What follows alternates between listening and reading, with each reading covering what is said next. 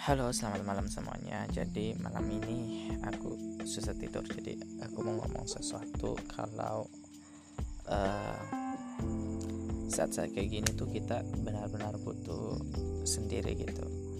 Kenapa? Karena kadang-kadang ketika kita sendiri merenung, membayangkan apa yang harus kita lakukan ke depannya, mengingat kesalahan-kesalahan kita yang lalu, itu kadang membuat kita terpacu untuk melakukan sesuatu yang lebih baik. Jadi, sangat disalahkan ketika ada teman-teman yang mengatakan kita tidak perlu mengingat kesalahan-kesalahan yang lalu. Kita ter tidak perlu terlalu pusing untuk mengingat apa sih yang akan terjadi di masa depan. Barangkali itu adalah hal yang salah kalau menurut saya. Karena kenapa?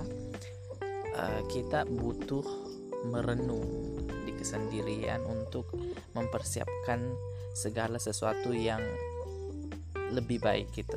Walaupun memang ketika misalnya kita berencana itu belum pasti terwujud tetapi setidaknya kita sudah memiliki rencana yang matang. Dan untuk hasilnya biarkan Tuhan yang menentukan pastinya.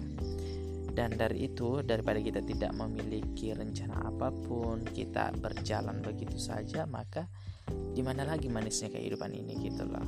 Ya ya kurang lebih seperti itu. Saya cuma ingin mengatakan itu but See you next time.